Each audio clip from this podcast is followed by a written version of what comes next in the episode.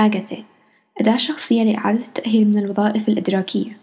إيفلين كلينجر أخت زي ميتير باريتك السكتة الدماغية صدمة إصابة المخ تصلب الأنسجة المضاعف مرض باركنسون والزهايمر كل عام عشرات الآلاف من الناس يقعون ضحية واحدة من تلك الأمراض العصبية.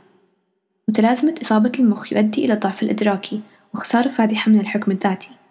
يلزم إعادة التأهيل لتمكن المرضى على استعادة القدرة والعودة إلى أنشطة الحياة اليومية مثل التسوق.